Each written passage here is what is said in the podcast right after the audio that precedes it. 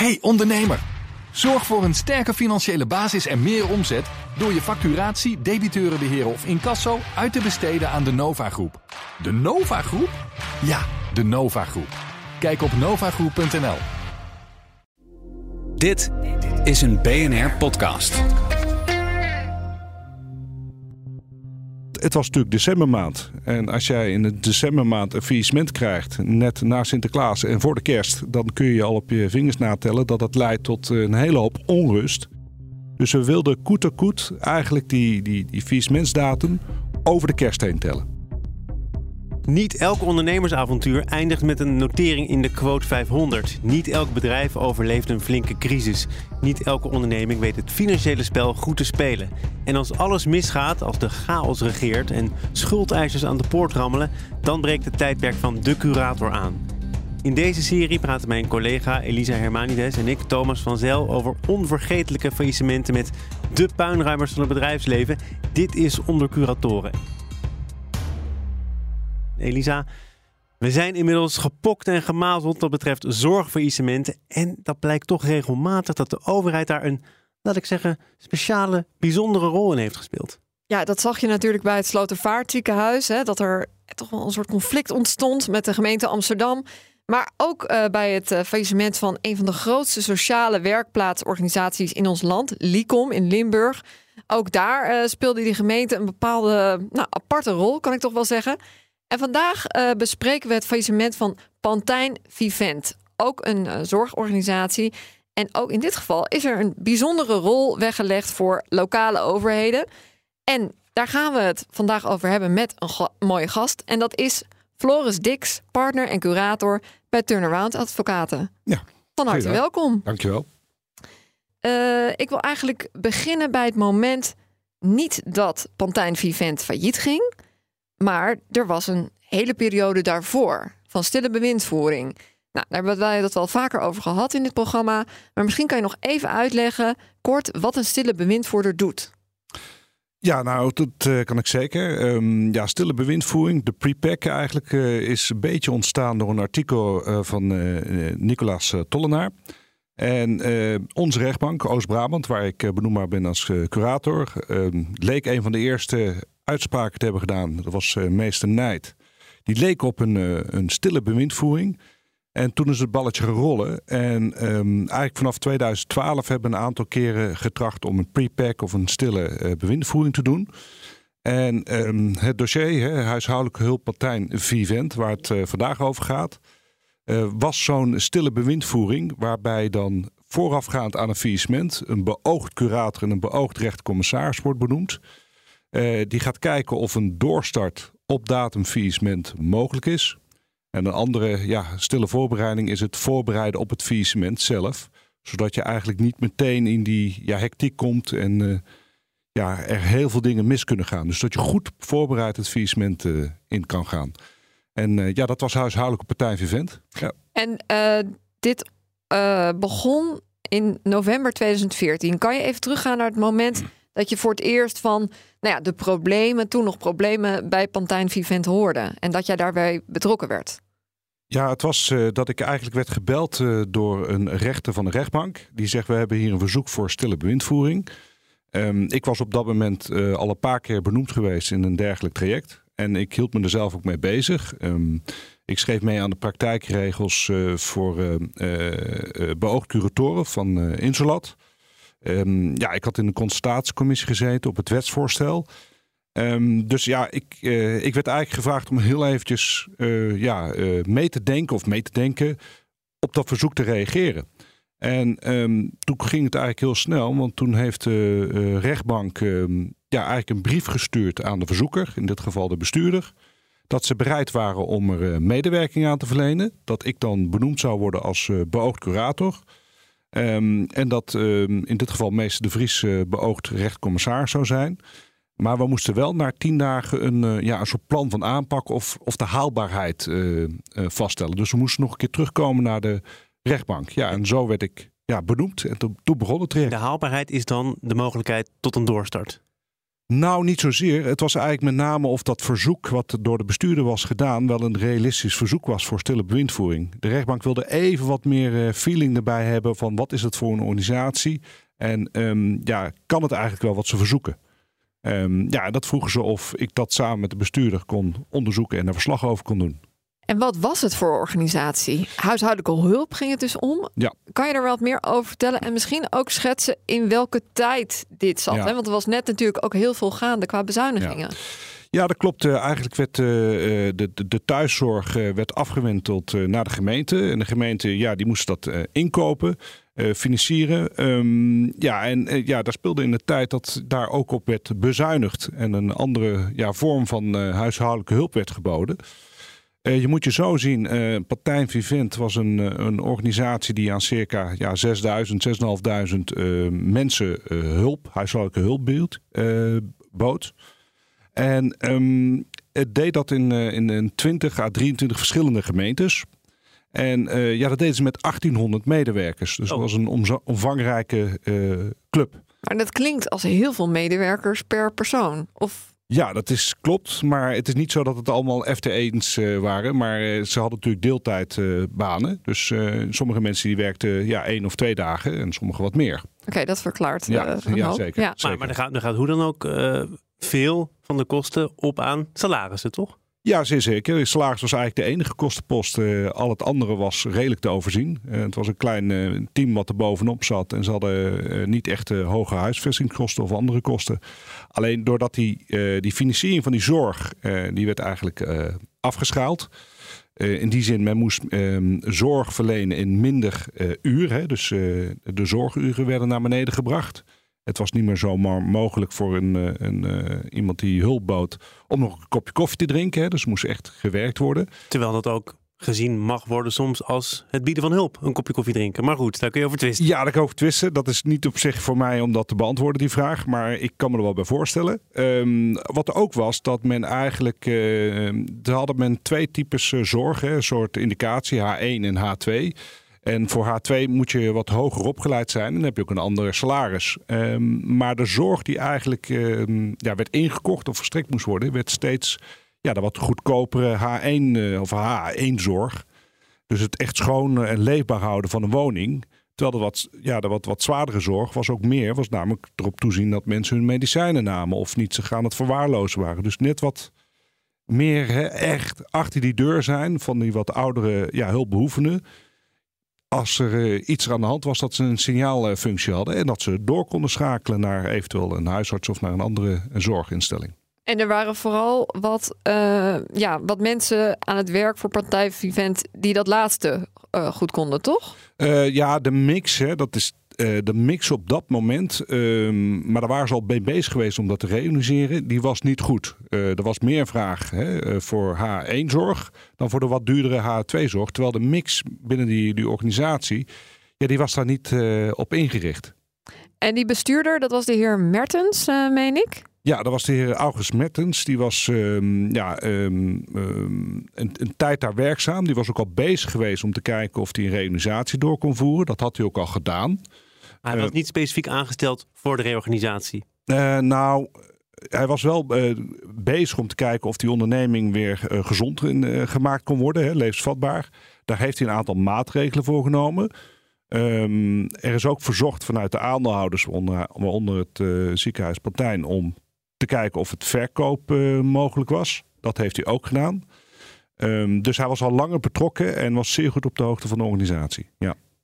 En um, heb jij hem toen, uh, na dat verzoek van de rech rechtbank, ben jij hem toen meteen gaan spreken? Ja, eigenlijk uh, toen ik de brief op de mat krijg, hè, waar het eigenlijk wordt gezegd van dit is de beoogd curator en uh, nou, dan krijg je de contactgegevens.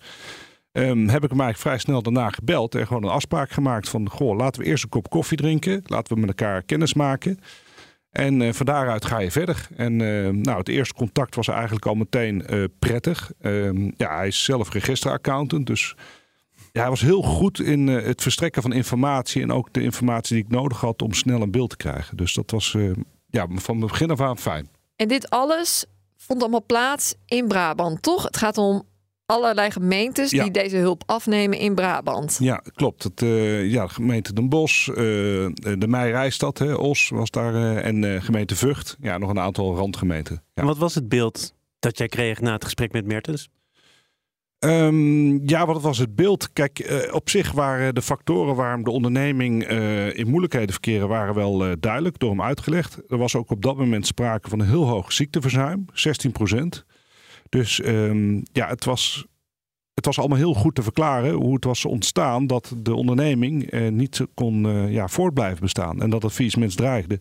En daarnaast, ja, het was op dat moment wel liquide. Hè, er stond eh, voldoende geld op de bank. Alleen de dertiende maand kwam eraan en je hebt de, de, de loonbelastingen die dan er overheen moeten. Dus je zag het gewoon gebeuren. Hè. Dus eh, December kon de nekslag worden. december zou zeer goed de niks. Ze konden in ieder geval op dat moment niet meer aan al hun verplichtingen voldoen. Ja.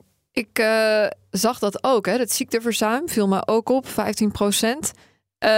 was duidelijk waardoor dat kwam.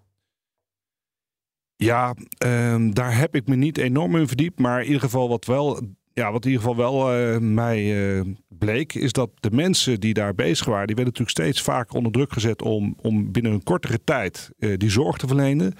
Eh, de, de mensen waar ze al jaren kwamen, geen tijd meer te hebben om een, eh, een kopje koffie te drinken. En elke keer weer die reorganisatie of die druk van blijven we bestaan. Dus dat, dat hakte erin. Ja, en daardoor eh, ja, liep de ziekte, ziekteverzuim op. Dus Ja, nee, ik, mijn broer werkt in de thuiszorg toevallig. En die heeft ook wel in die tijd verteld van... ja, de druk nam gewoon in eerste instantie heel erg toe. Omdat er moest gewoon veel minder gebeuren in kortere tijd. Ja. En veel meer cliënten op één dag. Ja. Ja, en dat, eh, nou ja, dat moet dan allemaal in die korte tijd geperst worden. En je wil misschien ook nog aandacht voor de mensen. Dat is vooral zijn ding dat hij zegt... ja, ik vind het ook leuk om echt contact te maken. kan ik me voorstellen, want die mensen hebben zorghart en die zijn van die mensen daar. En Ja. dus ja, niet alleen maar even daar het huis leefbaar te maken, maar ook aandacht te geven aan die mensen zelf. Jij eh, sprak met eh, de heer Mertens en daar rolden twee scenario's uit.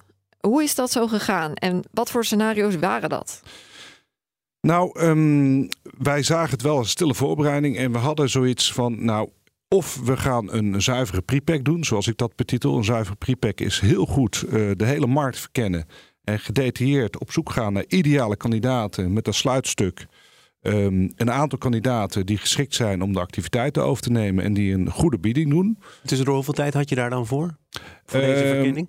Eh, ik had tien dagen de tijd om een plan te maken. En als de rechtbank dat plan akkoord zou bevinden, dan pas zouden we het traject kunnen starten. Ehm, maar dat was de ene kant, hè, dus een zuivere prepack. En ervan uitgaan dat we eigenlijk op datafaillissement meteen een kandidaat hadden die meteen door kon starten, zoals het dan heet. Of dat wij eh, zouden moeten besluiten dat een, eh, gecontroleerd faillissement, dus met andere woorden, je gaat gecontroleerd failliet, zodat je meteen alles operationeel kunt houden in het faillissement. Hè. Dus niet dat de stekkers eruit worden getrokken, hè, dus de telefonie eruit of de website uit de lucht. ehm, dat dat zou kunnen blijven doordraaien. En dat je meteen goed kon communiceren. Hè. Dus naar de, alle mensen die diensten afnamen, hè, dus de, de ruim 6000 mensen. Maar ook naar alle medewerkers. Hè. Dus dat je meteen je communicatiekanalen helemaal klaar had. Ehm, nou, we zijn snel gaan schakelen met wie moeten we erbij hebben. Ehm, destijds ehm, ja, waren we van mening dat je jezelf als curator niet moet, ehm, eh, dat traject zelf moet doen. Daar hebben wij iemand voor eh, betrokken, Michel Pols van Witlocks van de Bomen. Dus die echt een corporate finance adviseur die de markt ons ehm, eh, ging benaderen en eh, ons ging begeleiden in dat traject. En dat is dus degene die je inschakelt voor een eventuele overname of een kandidaat-koper. Nee, ja, om dat te zoeken. Ja. Om, die, om die, dat proces heel goed te bewaken. En we hadden besloten om daar een aparte eh gecertificeerd taxateur waardeerder te vragen. Dat was Hans Minnaar van Florijns. Dat hij in ieder geval ons kon aanleveren wat zou die organisatie waard zijn na datafaillissement. Dus eh, die moest een waardeberekening maken. Maar dit moest natuurlijk wel allemaal in het geheim, toch? Want het heet niet voor niks stille bewindvoering. Ja, dat is- dat klopt. Het, in eerste instantie hou je het team heel erg klein. Ehm, ja, en, en eh, ja, vertel je er eigenlijk niemand over. Dus je, de rechtbank weet het. Je, een paar mensen op kantoor weten het. En de twee instanties die je inschakelt. En we hadden in een vroegtijdig stadium een communicatieadviseur eh, bij betrokken. Die wist ervan. Want stel dat het wel openbaar zou worden en het zou een stroomversnelling komen, dan moesten we ook goed kijken hoe we daarmee om zouden kunnen gaan in de communicatie. Eh, hebben jullie in die tijd nog gedacht van... goh, we moeten misschien ook eh, de grootste gemeenten... die deze hulp afnemen hierbij betrekken? Ehm, nee. Heel eerlijk, nee. En straks aan het einde zul je misschien vragen: wat zou je anders doen? Dan zal ik daar een antwoord op geven. Maar op dat moment dachten we gewoon: wat zijn onze doelstellingen? En we hebben meteen drie doelstellingen of uitgangspunten geformuleerd. Namelijk één, maximale opbrengst uh, ten behoeve van de gezamenlijke schuldeisers. Met andere woorden, ja, waarde, creatie of behoud.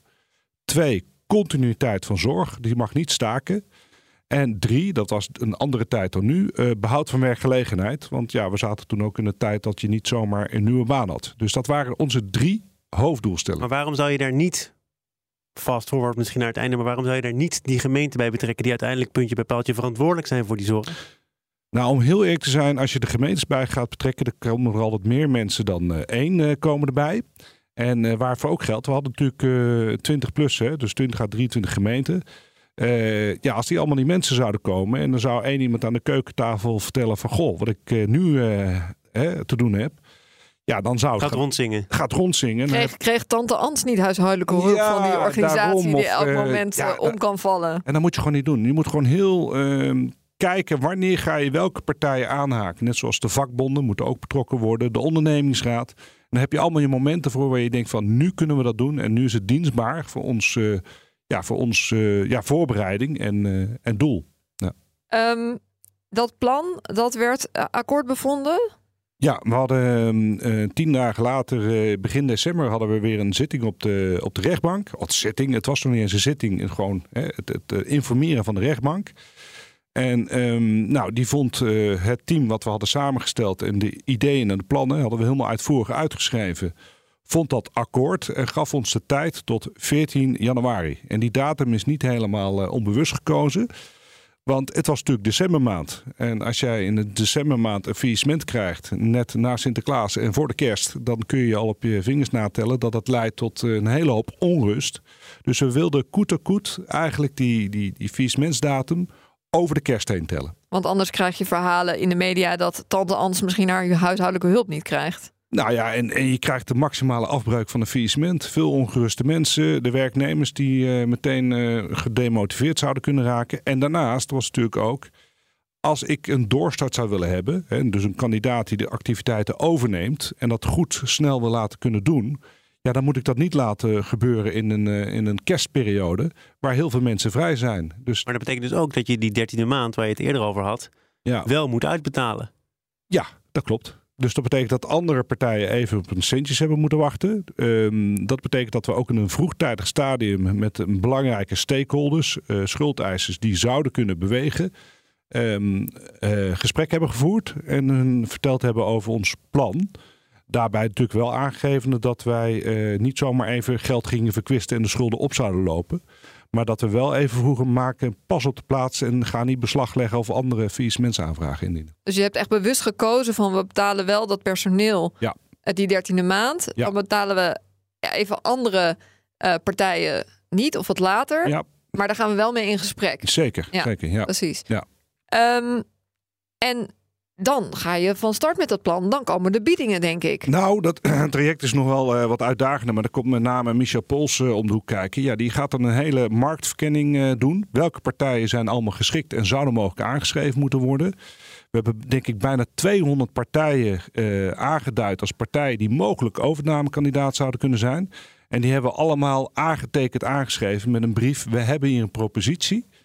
Uh, bent u geïnteresseerd? Uh, zo ja, uh, reageer. Nou, is in het kader van het rondzingen van het verhaal ook al een risico, denk ik. Hè? Als nou, je 200 dat, bedrijven informeert. Dat viel wel mee, want er was op dat moment meerdere instellingen die in moeilijkheden verkeerden. Waaronder in Thebe in Tilburg. Dus Weet je, we hadden het zo eigenlijk aangepakt dat je niet kon traceren van het gaat om deze club. Oh, echt? Ja, ja, dat, ja van de verschillende adressen post versturen, dat soort dingen. Dus, uh, maar goed, op een gegeven moment dan, uh, ja, dan komen de eerste reacties. En we hadden meteen toch wel zo'n groep van uh, volgens mij tussen de 30 en de 40 die zei: Ik ben geïnteresseerd. Ja, dan moeten ze van tevoren een geheimhoudingsovereenkomst tekenen met een hele grote boeteclausule erop. Nou, dan krijgen ze vervolgens een, een, een memorandum die samengesteld door die corporate finance adviseur van, nou, dit, dit is het, hè, de onderneming, dit zijn de kengetallen.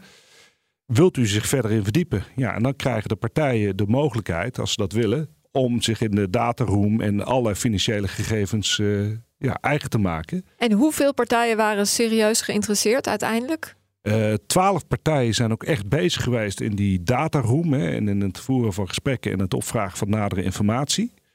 En we hadden voor onszelf uh, de, uh, ja, de, de indicatieve biedingen, om het zo maar te zeggen, hè, die ze moesten uitbrengen. Die hadden we op, volgens mij op 5 januari gezet. En daar kwamen volgens mij zeven of acht biedingen uit. Maar daarbij zat ook uh, een bieding van: goh, uh, ik neem alleen het personeel over, toch? Zeker, zeker. Um, er zaten eigenlijk um, uh, een aantal biedingen bij die 0 euro gaven.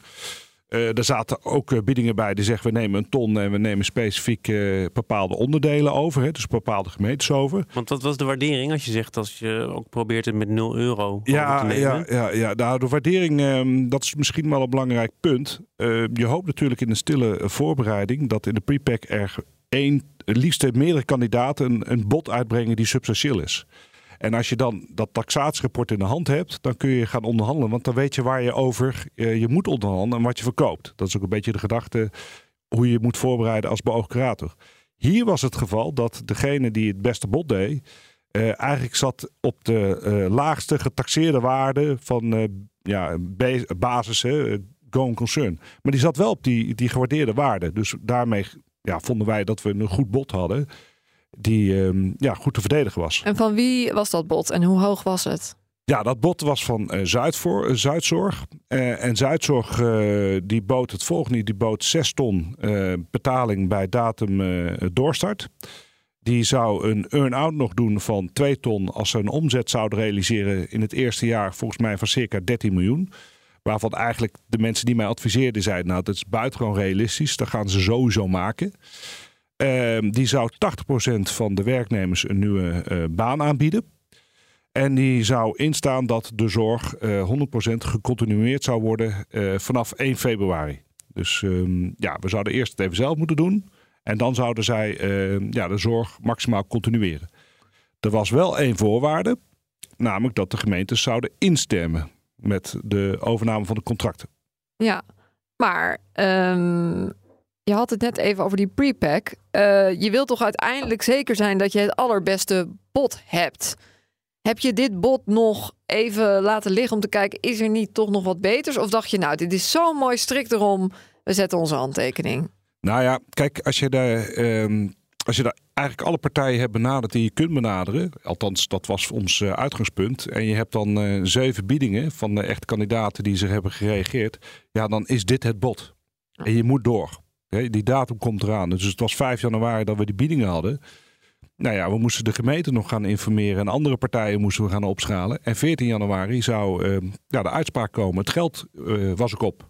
En waarom bood Zuidzorg um, die nou, 6 tot 8 ton? Hè? Uh, waarom boden zij zoveel geld terwijl sommige andere partijen zeiden van nou, je mag al heel blij zijn bij wijze van spreken als ik het personeel overneem? Um, Wat was de meerwaarde voor ja, Zuidzorg? Voor, voor Zuidzorg was met name interessant omdat zij uh, zaten naar, uh, in de omgeving met huishoudelijke hulp uh, Eindhoven en beneden. En bij het verkrijgen van huishoudelijke hulp Partij Vervent zouden ze ook de bovenkant van Eindhoven krijgen. Hè? Dus de Meijerijstad, Vught, Den Bosch. Dus daarmee zouden ze eigenlijk vrijwel geheel Brabant krijgen, behalve de, de regio Tilburg en Breda. Dus het was voor hun een, een ideale ja, propositie. Wat speelt er eigenlijk op zo'n moment allemaal in je hoofd? Want je bent natuurlijk bezig met de belangen van de schuldeisers. Maar je wil natuurlijk ook dat die zorg wordt gecontinueerd. Ja. En dan zijn er nog die medewerkers. Um, hoe ben je daarmee bezig? Hoe weeg je al die verschillende factoren?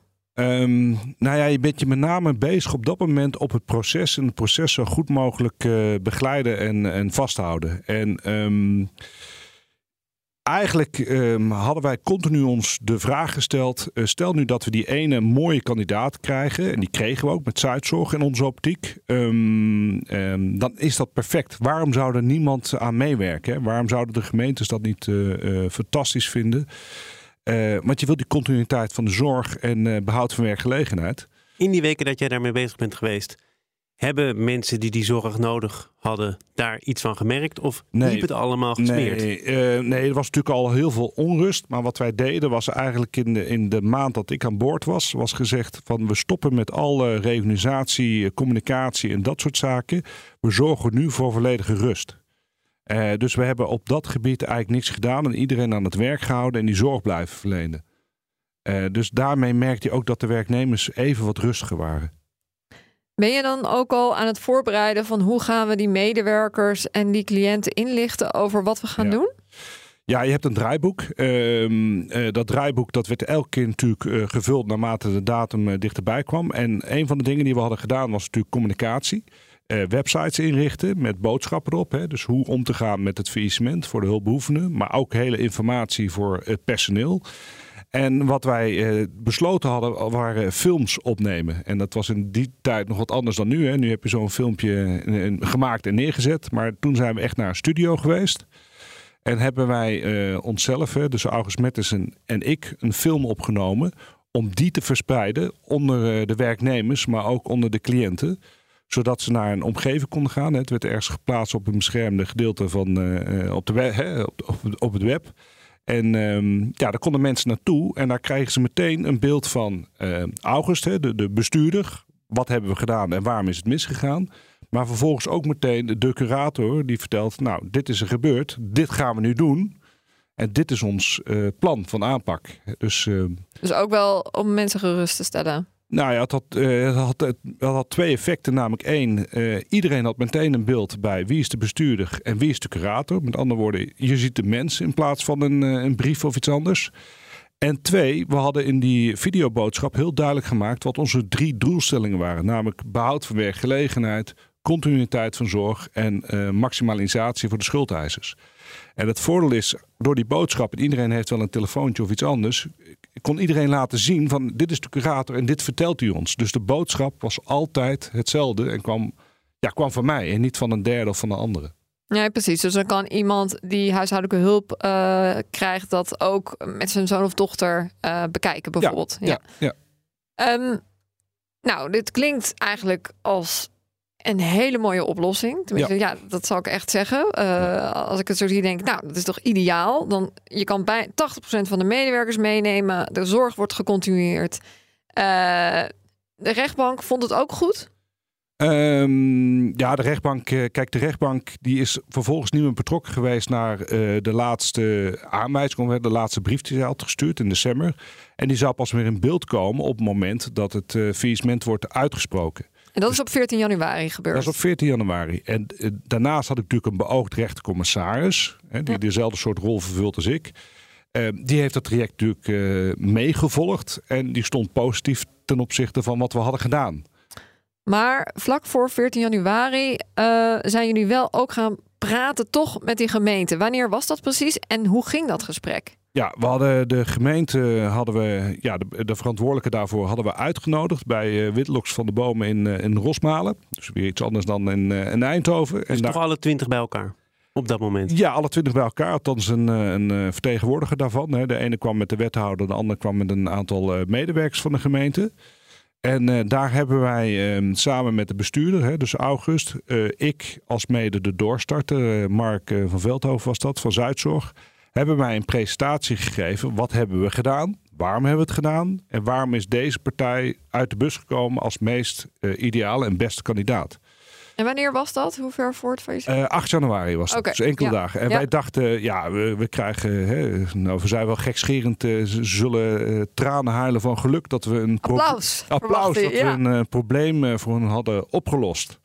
Uh, zo stonden we er echt in. Maar ja, gedurende die bijeenkomst, en dat besef je een beetje achteraf, ja, werd het natuurlijk beleefd en netjes ontvangen. En men zou er serieus naar kijken. maar het was niet meteen een staande ovatie, laat ik het zo zeggen. Dus, ja. En toen was er ook een van die gemeenten die meteen eigenlijk al zei van dit willen we niet. Nou, dat kwam een paar dagen later. Dat was op 13 januari, wetende dat op 14 januari het faillissement uitgesproken zou worden.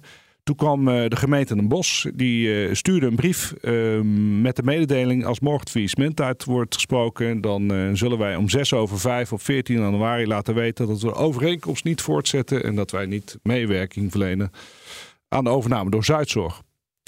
En dat kwam op 13 januari. En nou, dan, dan denk je, wat, wat, wat gebeurt hier?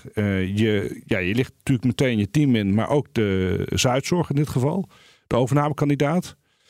En die reageerde meteen van, nou, maar dat gaan we niet doen. Want uh, gemeente De Bos was uh, goed voor 20% van de omzet. Het was toch ook een ontbindende voorwaarde? Die gemeenten moesten mee, toch? Jazeker, ja, zeker ook. Maar uh, ik begreep het ook voorkomen dat de Zuidzorg die beslissing nam. dat, dat je even teleurgesteld bent, is natuurlijk het tweede. en, maar jij zit in een soort ehm, ja, pressure cooker. Je weet dat het gaat gebeuren, dus je schakelt meteen door. Hoe nu? Dus we hebben eigenlijk de overige gemeentes zo goed als kwaad kan geïnformeerd over het besluit van de Bos. We kregen de bos ook zelf niet te pakken. Dus die, die reageerde ook even niet. Hè? Dus, uh, nou. want... Nee, want waarom, hoe kan je verklaren dat Den Bos... Eh, ze hadden je ook eerst misschien even op kunnen bellen van... Goh, we hebben toch onze twijfels. Uh, zijn er nog redenen waarom we er toch anders over moeten denken? Is er, is er daarvoor contact geweest? Van goh, we hebben toch wel na die bijeenkomst gedacht... moeten we dit wel doen? Um, nou, in ieder geval niet, uh, niet met mij.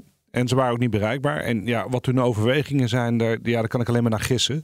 Maar Den Bos zet jou eigenlijk voor een fait accompli. Het is 13 januari. Op 14 januari is de dag van het faillissement. Je hebt op 8 januari een presentatie gegeven, wisselend ontvangen. Dan hadden ze op 8 of 9 januari kunnen laten weten, beste Floris, het ja. zint ons niet. Ja, nou, dat vind ik niet helemaal fair. Kijk, wij overvielen ook natuurlijk gemeentes uh, op uh, 8 januari. Hè. Ze voelden zich overvallen door uh, die, die pre-pack die we hadden voorbereid.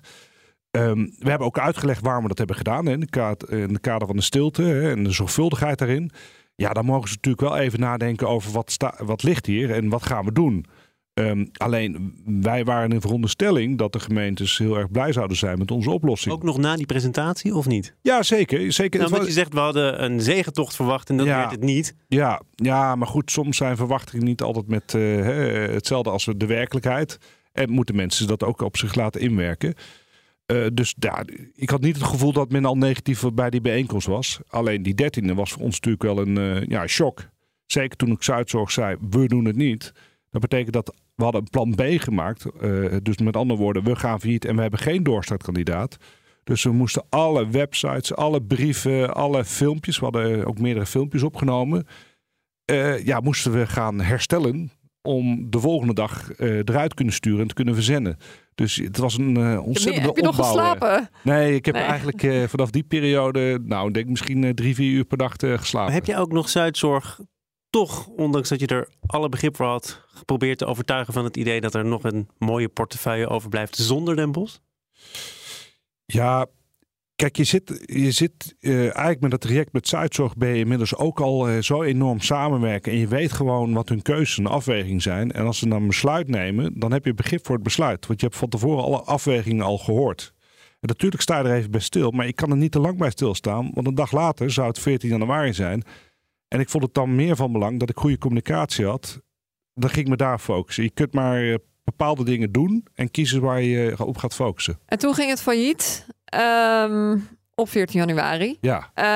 Um, en ben je toen toch nog, heb je toen toch nog een laatste poging gedaan om te kijken of uh, nou, het toch niet nog kon? Of was het echt reddeloos verloren en hadden ook die andere gemeentes er geen trek meer in? Nou, er gebeurde iets bijzonders. Want we hadden op 14 januari hadden we al gepland dat we met de vakbonden een bespreking zouden hebben. Dan was CNV, uh, Jacob Riepen was dat en uh, Karim Scully van FNV. Samen met de, de voorzitter van de ondernemingsraad van uh, huishoudelijke hulp, Partij Vivent, hadden wij een, uh, een uh, bespreking in de ochtend. En um, ja, tijdens die bespreking krijg ik een telefoontje. En dat was, ik weet nog goed, het was om half twaalf. Het staat ook allemaal niet openbaar verslagen. Met Zuidzorg, we gaan het toch doen. We doen het, hè? ook al doet Den Bos niet mee, we doen het. Ja, en ik loop terug en ik, ik vertel tegen de, de mensen in die zaal. Ik zeg, jongens, Zuidzorg doet het toch uh, steunen jullie mij? Ik, ik weet nog echt gewoon dat ik het zo vroeg. Steunen jullie mij? Nou ja, de vakbonden, ja, die, die, die dachten, hé, wat gebeurt hier nou? Uh, steunen, een curator steunen, een, ja, een visement. Dat zijn we niet gewend. Dat zijn we niet gewend. Nou, daar was met name Jacob Riep was daar uh, vrij uitgesproken in. Die zei van ja, het gaat failliet. Zuidzorg is een, een, een nette partij. Uh, natuurlijk uh, zijn er allerlei voorwaarden of voorbehouden, maar uh, ja, wij steunen je. En daar sloot de FNV zich ook bij aan. En natuurlijk met allerlei opmerkingen, maar ik hoorde alleen in mijn, uh, in mijn oor natuurlijk binnenkomen: wij steunen jou. Ja, toen ben ik ervoor gegaan. Dus eh, ik weet nog dat ik in de auto zei: ik zeg alles veranderen, alle, alle websites, uh, alle, Weer terug allemaal. alle terug. Ja, dat was een helse job. En dan werd hij om één uur werd, eh, het faillissement eh, gepubliceerd. En daarmee werd het openbaar. Ik denk nog een uur later hebben wij het, eh, hebben wij het verslag van de hele stille bewindvoering. Daar hebben we een zeer uitvoerig verslag van gedaan. Dus we hebben alle stappen en handelingen verricht. We hebben de brieven van de rechtbank toegevoegd. We hebben het taxatierapport toegevoegd. En we hebben de corporate finance adviseur laten vertellen wat hij allemaal heeft gedaan. eh, om tot deze kandidaten te komen. En de final kandidaat. Hebben we allemaal eh, meteen die dag zelf gepubliceerd. Plus alle filmpjes online gezet. Ja, en dan kom je natuurlijk in de hectiek terecht. Wat je, ja, je, je Brabants eh, omroep komt langs. Je wordt geïnterviewd. Eh, we moesten ons voorbereiden op het toespreken van personeel. Dat hebben we in twee eh fasen gedaan. Eén keer voor een groep van eh, 1100 man en één keer voor een groep van eh, 600 man. Ja, dan zit je gewoon in een, eh, in een storm. Wel leuk. Eh, ja, achteraf eh, vond Ah, je ik het... praat- ik, ik zie een soort twinkeling in je Ja. ogen. Ja, ondanks de hectiek. Ja, maar dat komt. Kijk, als curator vind je die momenten van druk en spanning, is, is, daar, daar leef je van. Hè? Dat is gewoon adrenaline en daar word je helemaal enthousiast van. Eh, kijk, de situatie is natuurlijk niet leuk. Hè? Laten we dat voorop stellen. Dat is voor maar jij niemand bent leuk. er aan het redden wat te redden valt, Ja, toch? daarom. En ja, en, en dan loopt het opeens. En ik was natuurlijk helemaal gelukkig met Zuidzorg. Die zei, ja, we doen het. En ik denk, en nu gaan we ervoor. Ja, en eh, ja, toen kregen we de uitdaging dat de gemeentes, eh, niet alleen de Bos, maar ook anderen, lieten blijken dat ze toch niet helemaal enthousiast waren over onze kandidaat. Ja, want uiteindelijk werd het 20 januari en toen zeiden toch eigenlijk de meerderheid van de gemeente zeiden van we gaan dit niet doen. Nee, nee. Hoe, hoe kwam dat tot jou? Of had je dat al eerder door? Druppelde Ja, dat binnen? Ja, ja, ja, we hadden natuurlijk. eh, ja, het mooie was dat de vakbonden mij steunden. En zelfs ook eh, protesten op het gemeentehuis onder andere van Os met de medewerkers hadden georganiseerd om toch maar die gemeente eh, voor dit plan te laten zijn. Eh, ik ben naar een gemeenteraadszitting geweest om te kijken hoe de besluitvorming plaatsvond. Ehm, we waren eigenlijk met z'n allen bezig om die gemeentes te overtuigen dat ze dit plan moesten doen. En ehm, Maar dat 20 gemeentes, hè? ja, Ja, klein en groot. ja, Je hebt er drie overtuigd. Eh, ja, dat heb je goed verteld, ja. Wat, 17 wat, wat, wat zat er dwars? Want ik moet het met Elisa en met jou eens zijn dat je iets te bieden had. ja. Eh, tot de dag van vandaag eh, ja, zou ik niet weten of er iets dwars zit. Maar kijk, het is natuurlijk een, eh, een, een besluitvorming wat plaatsvindt door de gemeenteraad en de, en de politiek. Ja, waar ik misschien mezelf een beetje op verkeken heb, dat daar op een andere manier eh, met bepaalde eh, materie wordt omgegaan. Om, om eh, ja, voor iedereen, hè, laten we dat vooropstellen, zo werkt het proces.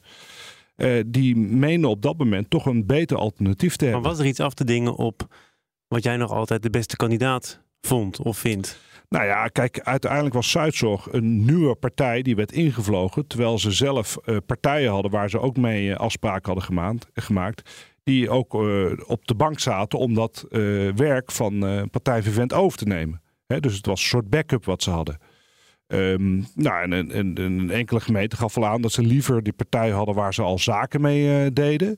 Dan dat ze een nieuwe partij Zuidzorg mee te maken zouden hebben. Ook begrijpelijk misschien. Ja, je kunt niemand dwingen. En dat, Nee, maar is het begrijpelijk dat een gemeente kiest voor een partij met wie ze al ervaring hebben, boven ja. een partij die zich nog maar moet bewijzen? Eh, ja, aan de andere kant, Zuidzorg was geen eh, kleine partij. En was wel eh, bekend in Eindhoven en, en omgeving. Dus het was ook niet helemaal een onbekende partij. Alleen ze, deden de, hè, ze hadden er geen overeenkomst mee. Dus dat, ja, dat lag toch iets genuanceerder. En nogmaals, ja, die 20 januari, eh, ik wist dat het ging gebeuren, want ze moesten zich uitlaten. En er waren allemaal spoed, gemeenteraadzittingen geweest. Maar heb je daar echt op ergens op een plein voor het gemeentehuis gestaan? Eh, ik heb op het gemeentehuis Vught heb ik de, de, de avond eh, voor die ene datum heb ik eh, de raadszitting bijgewoond vanaf de publieke tribune om dat te volgen. Ehm, ja, eigenlijk om betrokkenheid en ja, gewoon ja, het, het, het voorstel te verdedigen die, die ik had liggen. Ehm, maar ja, goed, uiteindelijk, men heeft besloten. En dat besluit kwam tot mij in een fax. Hè. Destijds hadden we nog een fax. Had je toen zelfs nog faxen? Ja, toen hele Eh, faxen, het, onvoorstelbaar. en ik kreeg echt, eh, ja, eh, om één uur kreeg ik van, ja, alle gemeentes kwamen die faxen binnen. En nou, we doen het niet. En dan zie je het zo door je vingers glippen. Ja, ja, en dan is het, ja, ik moet wel zeggen, ik, ik had op dat moment toch wel eventjes, nou, dan, dan jammer, hè? niet gelukt. Niet met je vuist op tafel geslagen? Nee, van, je, kunt niet, je, kunt, je kunt niet boos zijn, je bent hooguit teleurgesteld, want je, want je gelooft in niets. Hè? En als je niet in gelooft, dan moet je dit werk ook niet doen. Hè? Je, je denkt dat je het beste hebt gedaan. Um, maar nu zeg je tien jaar later, ik had die gemeente er eerder bij moeten betrekken. Dacht je dat een split second toen ook al? Uh, nee, nee, nee, het is echt pas eh, later gaan indalen. Want ik was op dat moment uh, enorm teleurgesteld. Ik heb toen uh, een afspraak gehad met twee advocaten van de gemeente. Hè, dus ehm, die hadden, sommige gemeenten hadden één advocaat um, ingeschakeld en een andere gemeente weer een andere advocaat. Daar ben ik mee op kantoor gekomen. er waren vak, ja, een vak, vakcollega's van mij. dat was heel erg fijn, want die zagen aan mij dat ik toch wel even tik had gekregen die waren ook heel begripvol voor wat ik uh, had gedaan. Hè. Met andere woorden, ja, je kunt uh, het niet eens zijn, maar je kunt nog steeds zeggen: je hebt je werk uh, ja, naar jouw behoren gedaan. En dat was voor mij echt even een moment om tot rust te komen. Um, en ik heb vervolgens meteen afspraken gemaakt van hoe nu verder. He, we hebben nog zoveel dagen, want ik kon maar zorg verlenen tot 31 januari. Daarna vond ik het niet meer verantwoord. Dus per 1 februari moesten de gemeenten de zorg zelf overnemen en zelf regelen ja, daar heb ik afspraken gemaakt van hoe gaan we dat doen? Hoe dragen we over? En eigenlijk ehm, heb ik toen uh, gezegd, nou, tot en met 31 januari continueren het wijd. Hè? Dus een opdracht van de curator. En per 1 februari ja, hou, hou ik ermee op. Hè? Dan houdt partij naar uh, Vivent ermee op met het verlenen van zorg. Ja. En, en is dat, uh, voor zover je dat hebt gevolgd, een beetje goed verlopen? Ja, nou kijk, um, ik ben natuurlijk door, uh, ik word door het UWV geïnformeerd hè, over uh, hoe het uh, zit met de mensen um, gedurende de opzegtermijn, die zes weken, en hoeveel mensen een nieuwe baan zouden krijgen. En ik heb ehm, de informatie ontvangen van het UWV dat na de zes weken opzegtermijn, dat daar 50% van de medewerkers had een nieuwe dienstbetrekking en 50% niet. daarnaast ehm, was uh, de gemeente Os werd gevolgd uh, door, de, door het nieuws. En daar hebben ze een aantal maanden gevolgd van hoe uh, is de zorg gecontinueerd. Hè? Heeft iedereen zorg gekregen? En heeft iedereen een nieuwe baan gekregen? En daar zag je dat niet de 100% zorg en de 80% werkgelegenheid gerealiseerd werd. Ook niet na enkele maanden.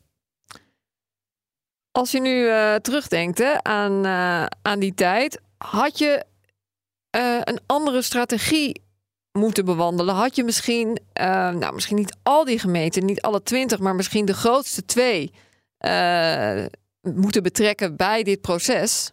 Ja, ja, dat is ook een van de dingen die ik uh, later, ehm, ja, nou, dat gaat evalueren. Hè, eigenlijk de stormers gaan liggen, ga je kijken wat, wat gaan we doen, hè, wat hebben we gedaan en wat zouden we de volgende keer anders doen. Um, Per definitie stel ik voorop dat de stille voorbereiding of een stille bewindvoering voor elk zorgfaillissement eigenlijk uh, gewoon standaard zou moeten zijn. Dat per definitie. Uh, maar in het geval van uh, gemeentes, maar ik kan me ook voorstellen wanneer het zorgverzekeraars zijn, um, zouden we wel eerder die partijen moeten betrekken. Dat zou ik nu wel doen in ieder geval. Want we hebben eigenlijk gezegd het was een, een geslaagde operatie, maar helaas is de patiënt uh, overleden de boedel moeten we toch altijd nog eventjes over hebben. Ja, ja. Uh, het waren vooral eigenlijk uh, contracten voor huishoudelijke hulpen. Ja. Uh, in het kantoor stond volgens mij niet veel van waarde. Dus nee. hoeveel zat er nog in de boedel en hoe heb je dat nog kunnen verdelen onder de schuldeisers? Nou, het bijzondere was natuurlijk toen ik begon, stond er een uh, miljoen plus uh, op de rekening. Maar dat gaat ook vrij hard met uh, 1800 medewerkers en zeker een dertiende maand. Um, we hebben op een gegeven moment een opstelling gemaakt. En dat hebben we um, ook later door een derde laten maken. Of het verantwoord verantwoord was om die stille bewindvoering te doen en die prepack. Um, per saldo ben ik nu in het faillissement uitgekomen tot een grote betaling aan de preferent schuldeisers, zijn de fiscus. De concurrent schuldeisers zijn zeer beperkt. Eigenlijk alleen maar het pensioenfonds uh, wat concurrent is. Alle anderen zijn uh, in beginsel gewoon voldaan. Want je moet die activiteiten continueren. Ja, precies. Dat is eh, dan in hun voordeel natuurlijk. Ja, ja. ja um, nou goed, de boedelvordering van het UWV is voldaan. Um, maar we hebben ook een opstelling gemaakt van hoe zou het zijn gelopen als we wel Zuidzorg hadden gehad. Ja. Uh, want ja, je weet wat op een gegeven moment de schulden zijn. En stel nu dat per 1 februari die medewerkers, althans uh, 70, 80 procent in dienst was getreden van Zuidzorg.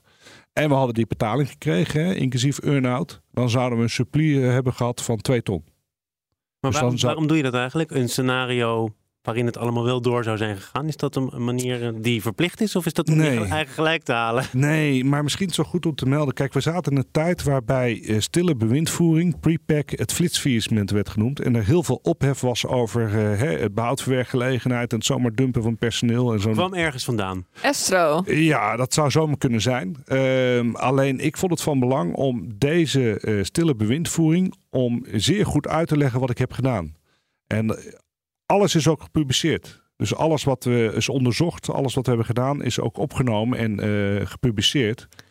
Om daarmee verantwoording af te leggen. Om te zeggen van jongens, dit kan stille bewindvoering een prepack opleveren. Dus daarom vonden we dat wel van belang om dat ja. uh, aan te Maar de negatieve titel flitsfaillissement werd ook vooral gebruikt, of misschien nog steeds wel als het weer is gebeurd, voor inderdaad een onderneming die failliet gaat, waarna waarna een groot deel van het personeel eigenlijk eh, via de achterdeur verdwijnt.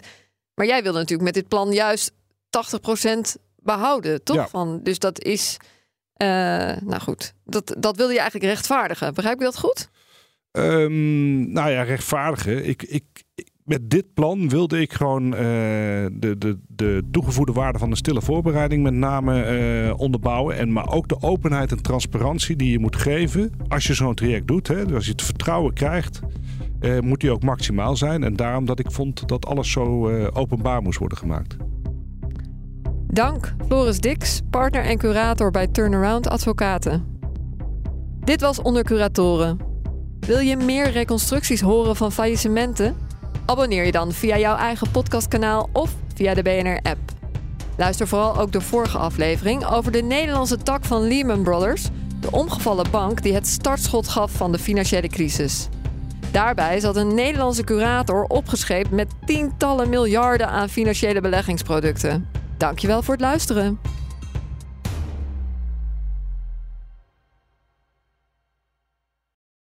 Transportreus van Stralen de Vries rijdt al 16 jaar met elektrische trucks. Daarmee mag het gerust een voorloper genoemd worden. Maar Erwin Keizer, projectmanager duurzaamheid, kijkt verder dan dat. Hij werkt aan lokale energiecoöperaties, transporthubs en samenwerkingen die zorgen voor zo min mogelijk leegrijdkilometers. Je leest zijn verhaal op partner.fd.nl/bp.